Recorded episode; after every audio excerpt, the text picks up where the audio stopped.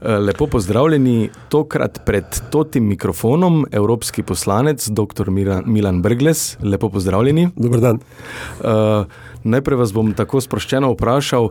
Mislim, da dobra tri leta uh, evropski poslanec. Uh, dobra štiri. Dobra štiri leta, se ja. pravi, čujem. Uh, kako se počutite kot evropski poslanec, kako se počutite v Evropskem parlamentu? Je tam tako, kot ste pričakovali? Uh, ne, sem se mogel prilagoditi, ne, v bistvu tudi za nekoga, ki pozna politiko, kar sam sem, uh, je bilo to novo okolje, v katerem si je bilo treba mičken izboriti prostor, da lahko pravzaprav delaš na normalen način. Uh, je pa predvsej drugačno in ključno je, da ni pozicije pa opozicije. Uh mhm. -huh. In to vso dinamiko bistveno, bistveno spreminja. Uh, koliko pa recimo uh, čutite svojo moč kot evropski poslanec, lahko neke svoje ideje uh, dovolj dobro predstavite in jih tudi udejanjate? Branite, ali ste tam uh, bolj v, v, uh, delujete v okviru večje skupine in kot posameznik nimate toliko moči? E, oboje. E, po eni strani, v bistvu na tistih svojih področjih, kjer si, kjer si odgovoren tudi za pred svojo politično skupino in se njenem imenu pogajaš, bodi si kot poročevalec, bodi si kot poročevalec v senci, tam je tega prostora za, bom rekel, tudi iskanje kompromisov, uh, precej več in uh, tam pač vidiš, v bistvu, dokot lahko za svojimi idejami prideš. Um, Medtem ko, v bistvu, ko pa slediš, oziroma ko glasuješ na plenarki, pa ne zaupam tudi svoji skupini, tako kot bom rekel, konc koncev tvoj glas šteje. Ne? In je vseeno važno, kaj potrdiš, kaj ne potrdiš.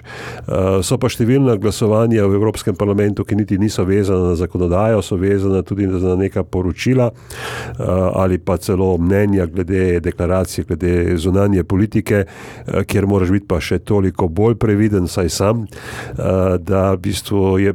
Je moje glasovanje vseeno podobno tistemu, kar sem včasih učil študente. Uh mhm. -huh.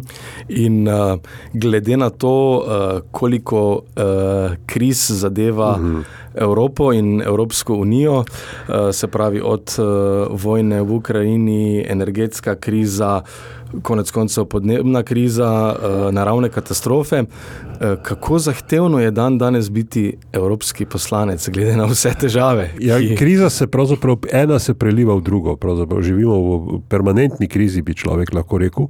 In tisto, kar me veseli, da smo v tem mandatu uspeli z drugačnim pristopom do določene mere, primerjavi z prejšnjo krizo, mi se spomnimo, predvsem finančne. Um, takrat je bilo v bistvu vsak naj vrčuje, vsak naj sam sebe rešuje, zdaj pa smo vseeno tu pa tam znali stopiti skupaj. Torej, ta solidarnost je tisto, kar mislim, da je prihodnost Evrope. Brez solidarnosti, brez nečesa, kar bo presegalo zgolj tvoj ozek, egoistični interes, eh, ne bo šlo. In glede na vse težave, ki nas pestijo, zdaj, če se skoncentrira na Evropo oziroma Evropsko unijo, kje je zdaj uh, fokus uh, Evropskega parlamenta, katero težavo boste naslovili najprej, ker jih je kar nekaj, oziroma je, so kje prioritete ali se lotevate vsega naenkrat oziroma nekako celostno? Ne poskušamo celostno gledati zadeve, uh, ampak tisto, za kar smo pristojni, ne, v bistvu nismo pravzaprav na vseh področjih, ponekod je Evropska unija sama pristojna in so države to prepustile, ponekod si delimo to zadevo, ampak tam, kjer si delimo, tam je že ogromno evropskih zadev, okolje, zeleni prehod uh, ali pa v bistvu reševanje gospodarstva in ljudi, pravzaprav najprej ljudi, potem gospodarstva v primeru COVID-a. Uh, to so ene takšne stvari, zdaj le tudi uh, v bistvu ta kriza, ki se kaže tudi v življenjskih stroških. Pravzaprav je to nekaj, na, čemer moramo delati skupaj, to postavljamo neke neke, neke skupne omejitve, eh, in te skupne omejitve se pa potem kažejo potem v nacionalnih proračunih, da smo si zelo nejasni. Zdaj, če mi ne uspemo, eh, recimo, tudi socialne investicije nekako zavarovati pred eh, proračunskimi rezi, je to ogromen dosežek in ta trenutek se ukvarjamo recimo z tem velikim uh mhm. -huh. vprašanjem, torej kakšni so proračunski okviri. Mi smo se naučili, da se Evropa oziroma se Evropska unija lahko celo zadolžuje, to je nekaj, kar je bilo prepovedano prej. Eh, tako da nekatere stvari kažejo v pozitivno smer, druge stvari so pa tiste, ki pa vsakdo vidi v krizi, potem tudi včasih zelo preproste rešitve. Ma, kdo, kriv je nekdo, ki prihaja k nam, ali pa je kriv nekdo med nami, ki v bistvu, ga itak že diskriminiramo. Uh, in to pa ni najbolj mislim, to dejansko ne drži. Uh, številni ljudje pa žal v to, v to verjamejo in v bistvu s tem se je treba tudi boriti, v bistvu s tem porastom populizma, uh, poenostavitev, uh, nesolidarnosti. Uh, tale trenutek se ukvarjamo s tem, da ugotavljamo, kaj pomeni ta migranski paket. Uh -huh. uh, jaz iskreno upam, da pomeni tudi neke rešitve, ki jih Slovenija sama ni bila sposobna narediti, oziroma kadarkoli jih je sprejemala, so bile neustavne. Uh -huh. Ker tudi tista zdaj, ki, jo, ki ta trenutek velja, je najverjetneje neustavna, ker je praktično ista, kot je bila tista, ki je ustavno sodišče že razveljavilo.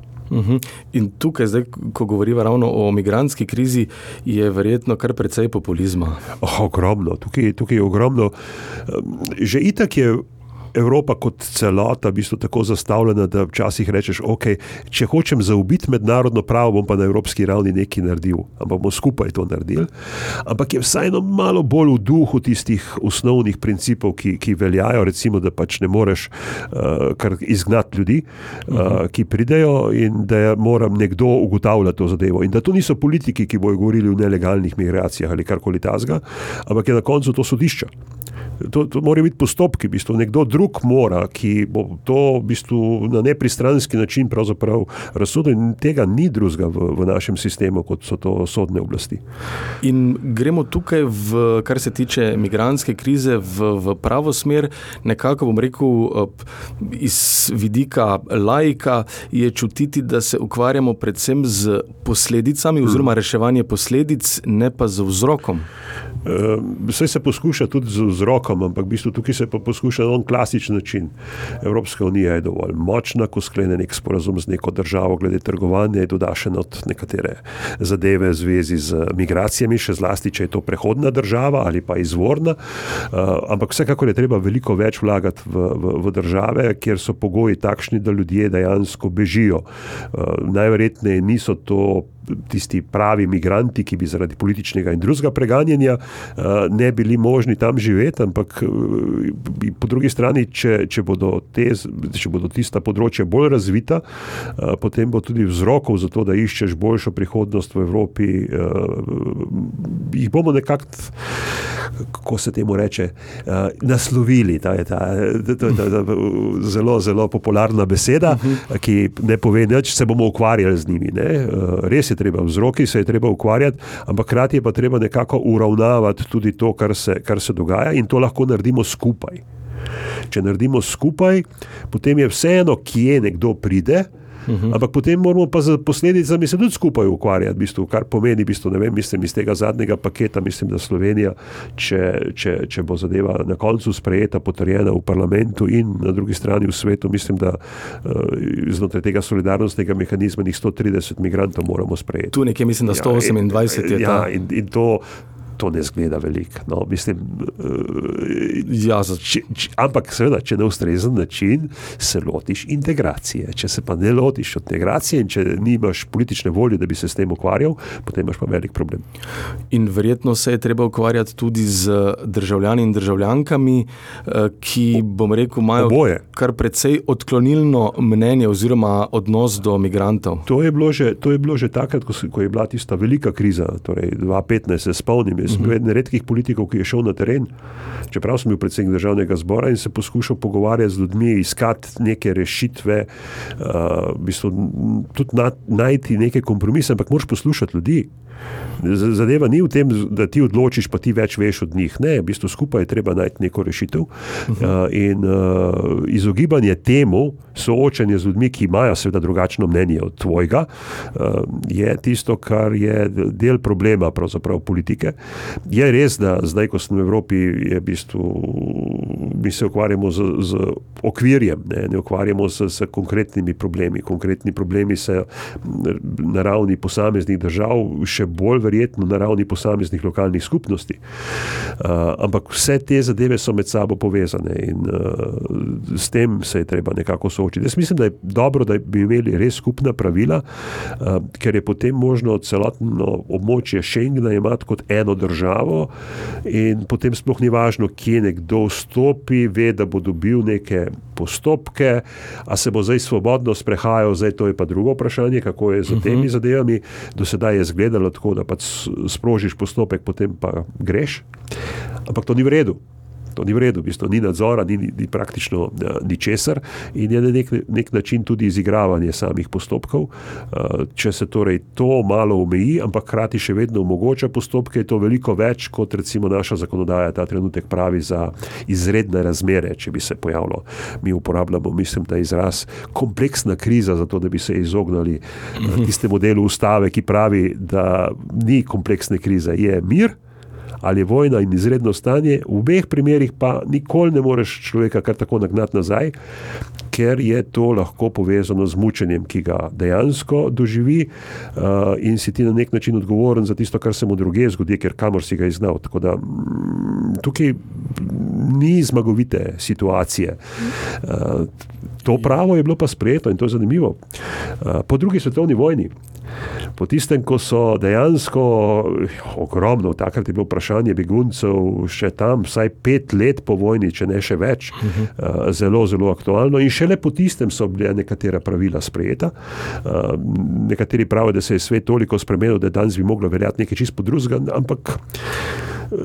Tam, ker je dejansko begunska situacija, ker ljudje bežijo pred svojo državo, ma, Tukaj mislim, da ni bistvene spremembe. Jaz se spomnim, da recimo, se spomnite Turčije, pa državnega, poskusa državnega udara uh -huh. in tisti, ki so morali bežati, če bi jih vrnili, to so mrtvi ljudje, to, to jih ni več. In, in tam smo se obnašali na čist isti način, kot v primeru nekdoga, ki je bil ekonomski migrant. Ja, ni ista situacija. Enkrat je res migranti, ne more se s Turčijo noč o tem pogovarjati, ker Bog ne da, moraš ga zaščititi pred njo. Drugič je pa to le, le drugačna situacija in to dvoje ne smemo mešati. Ja, pri nas pa nekako, kar se tiče tega področja, se zdi, da uh, je to področje za nabiranje političnih točk, glede na to, kakšen je odnos do migrantov ja. oziroma do beguncev, kar bi rekel, da je verjetno popolnoma zgrešeno. Mislim, ne pomaga k rešitvi, ne pomaga k ničemer in tudi na tak način reševanja, kot se predlaga, preprosto zaprem mejo ali pa jih naženem nazaj. In to, to je v bistvu vse tisto, kar je proti pravo. V bistvu. je, dokler, smo, dokler vlada tukaj eh, vladavina prava, oziroma dokler smo pravna država, se česa tazga na takšen način pač uh, ne moramo iti pa še. Potem je še pa druga zadeva. Ko gledamo, koliko ljudi se nam upokoji vsako leto in koliko mladih pride nam zmanjka, ena, v bistvu skoraj polovica nam zmanjka. In uh, nekaj je delavcev, migrantov, ki se dejansko legalno zaposlijo, ampak drugi, ki se bi hoteli socializirati, torej ki bi se hoteli integrirati uh, in če imajo neke, neke znake imajo neka delovna mesta, kar se uh, je vsaj v preteklih zadnjih dveh letih dogajalo, uh, bi človek rekel, da bi bilo povsem racionalno, da ga imaš, ne pa da ga potem, ko ga enkrat že integriraš, pošleš nazaj v tisto državo, kjer je prvič vstopu v Evropsko unijo, to je pa običajno vsaj za nas Hrvaška. No, pa da zaključiva z, z to temo, se morda vrneva uh, k vzrokom. Ja. Uh, Eden večjih vzrokov so tudi vojne. Absolutno. Uh, in, sem, in sem vas hotel vprašati, uh, kako gledate na to, da smo pravzaprav uh, skoraj da v letu 2024. Uh, V preteklosti smo imeli eh, dve svetovni vojni, eh, na milijone nedolžnih, predvsem eh, civilnih žrtev. Nekako je čutiti, da se človeštvo ali pa vsaj voditelji iz preteklosti nič ne naučimo. Zdi se nepredstavljivo, da smo v letu skoraj 2024 in še vedno divjajo krvave vojne, kjer največ, najbolj nastradajo prav civilisti in zdaj, če gledamo Palestino, otroci. Ja, kako, kako gledate vi na to, da imamo zdaj še vedno vojne, da se ne znamo nekaj naučiti iz tega? Kaj bi bilo treba narediti, po vaše, da bo končno enkrat, enkrat na celi zemljski obli mir? Začetek bi morali začeti eh, mednarodno pravo spoštovati na vseh koncih enako. Ne? Eh, spomnim se, kar je rekel eh, visoki predstavnik za zunanje zadeve in varnostno politiko Evropske unije Borel, drugače imamo pogosto različno mnenje, ampak glede tega pa ne. Um, rekel je, da je obleganje ukrajinskega mesta posebno isto kot obleganje gaze. Ista pravila veljajo in dajmo se obnašati enako. In to je seveda za veliko večino nespremljiva zadeva. Se pač raje pravi, da za tisti, ki so tvoji, ki so ti bliže, tam naj bi veljala drugačna pravila. Ne, ne morajo veljati drugačna pravila. V bistvu, torej, konsistentna uporaba v bistvu, mednarodnega prava bi bila ena od poti, uh, ki je absolutno jasna. Jasno je da, je, da je agresija na neko državo, kot je recimo ruska agresija na Ukrajino, to je absolutno prepovedano in treba je pomagati Ukrajini, da se brani. Uh, na drugi strani pa ne moreš dovoliti v imenu samo obrambe, v bistvu dobesedno radiranje vseh civilistov. V bistvu.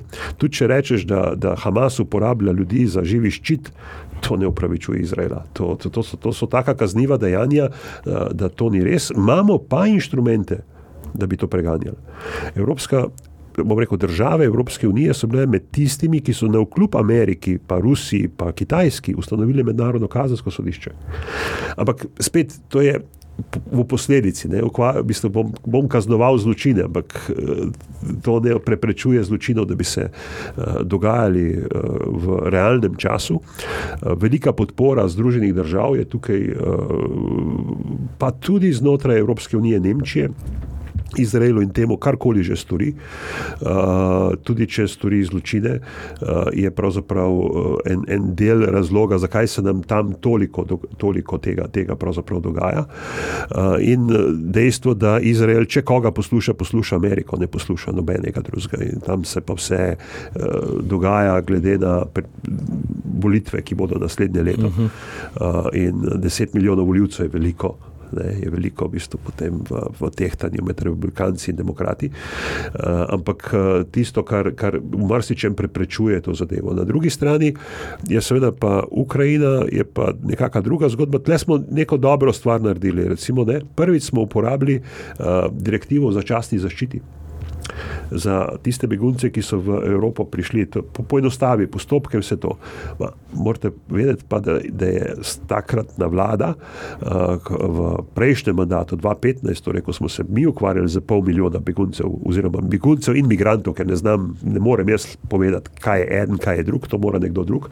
Uh, takrat, ko se je to dogajalo, pa niso hoteli slišati za to začasno zaščito, ki bi poenostavila postopke.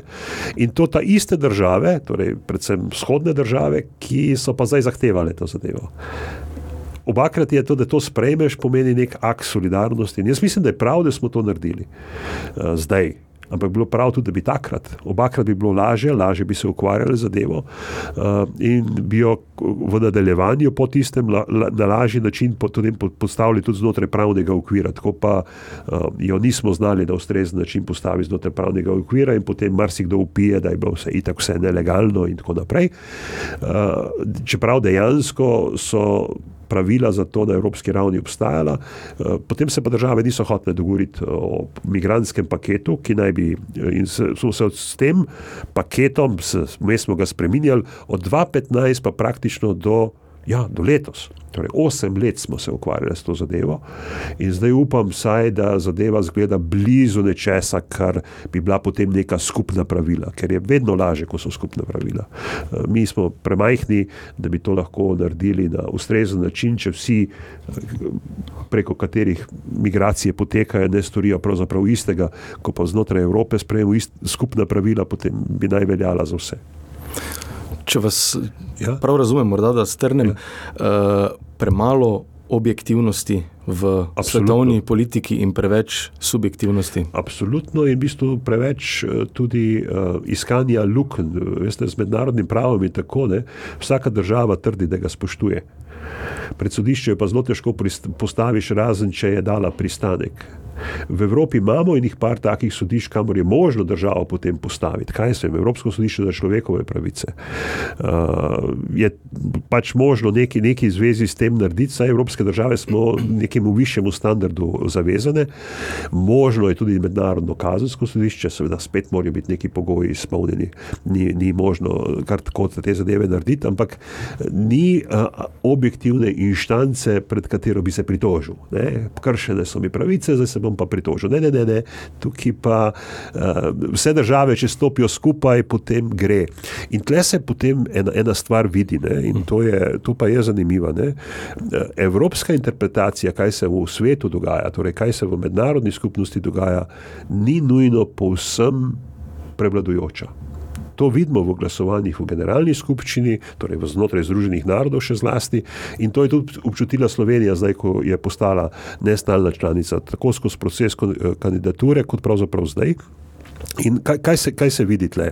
Recimo, kar se tiče ukrajinskega konflikta in Rusije, uh, da je vse kriva Rusija, torej, da je Rusija, da je agresija, da je prepovedana, to se vsi strinjamo, absolutno, tukaj ni problem. Ampak da je vse samo Rusija kriva, e, to pa ne kupi drugi del sveta, še zlasti, bom rekel, afriške, latinsko-ameriške države ne kupijo, da mi pa nič nimamo s tem. Torej, mi kot NATO, mi kot Zahod, mi kot Evropska unija.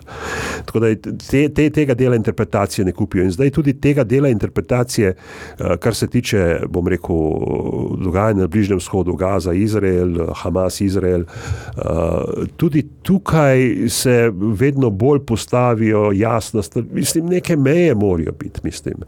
Eh, če ni teh meja, v bistvu potem je civilizacija, v imenu katere je kao delano mednarodno pravo, propadla. V bistvu. in, In Zahod, po mojem, po teh dveh krizah, ne bo več tisti, ki bo sam postavljal pravila.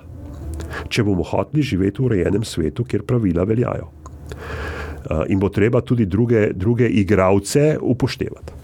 Ja, nekako se mi zdi, da lahko potegnemo tukaj sporednice, tudi kar se tiče migranske krize. Nekako vedno se ukvarjamo zgolj s posledicami. Ja. Ne ukvarjamo se z vzrokom, zato pa tudi vsi s prstom kažejo na Rusijo, ampak verjetno nek vzrok za vse to skupaj obstaja. Prav tako uh, obstaja tudi vzrok za uh, vdor v Izrael iz strani uh, Hamasa. Ne? Verjetno to ni z danes na jutri. Ne, ne, ni z danes na jutri, to ima neko strašno zgodovino, hkrati pa ne moramo izključiti tega, da recimo Rusija uspeva preko teh zvodov tudi Mičken odvrniti pozornost od tega, kar se dogaja pri njih.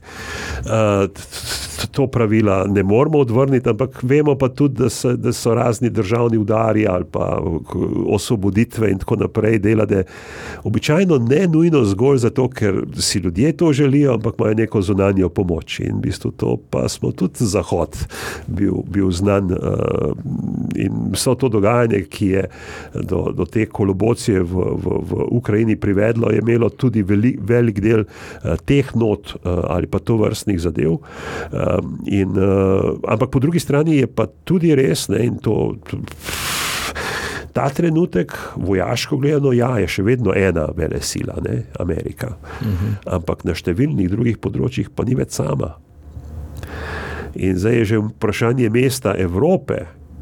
Torej, kako samostojno določiti politiko do Kitajske, neodvisno od Amerike? Ker Amerika bi itak hotla vojno za Kitajsko, ker uh, Kitajska zgleda kot naslednja, nek naslednji hegemon.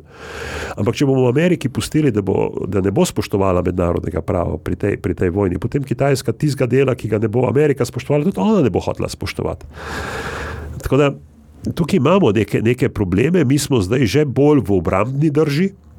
Nismo več v tisti drži, ko mi izvažamo pravila, ko mi pogojujemo vse, eh, kar je na nekaterih področjih problem. Eh, na področju okolja je to slabo, ker je pač Evropa bila tista, ki je v preteklosti, pa zdaj je se je nekako povrnila ta moč, da nekako druge pelje v smeri nekega zelenega prehoda, uh, kar je pa po mojem tudi edino upanje za, za človeštvo, ker veste, mi ta trenutek, mislim, da naših izpustov je 8% svetovnih. A, če upošteva samo sedanje stanje. Če pa upoštevamo zgodovino, eh, potem smo pa dolžni tem, ki naj bi uh, tudi državam razvoju veliko več prispevati pri tem, da bodo tudi one lahko prešle na uh, bolj zeleno tehnologijo. Ampak, kot smo že prej omenili, v zgodovino nekako ne gledamo radi. Ne?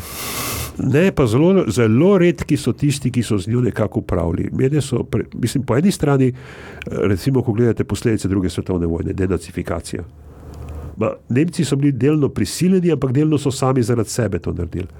Ampak potem so šli pa pogledati, če mičke nazaj, kaj so delali v Afriki in so tudi tam priznali nekatera svoje dejanja kot genocidna in so ponudili vsaj neko odškodnino za to. Edina od kolonialnih sil v Evropi.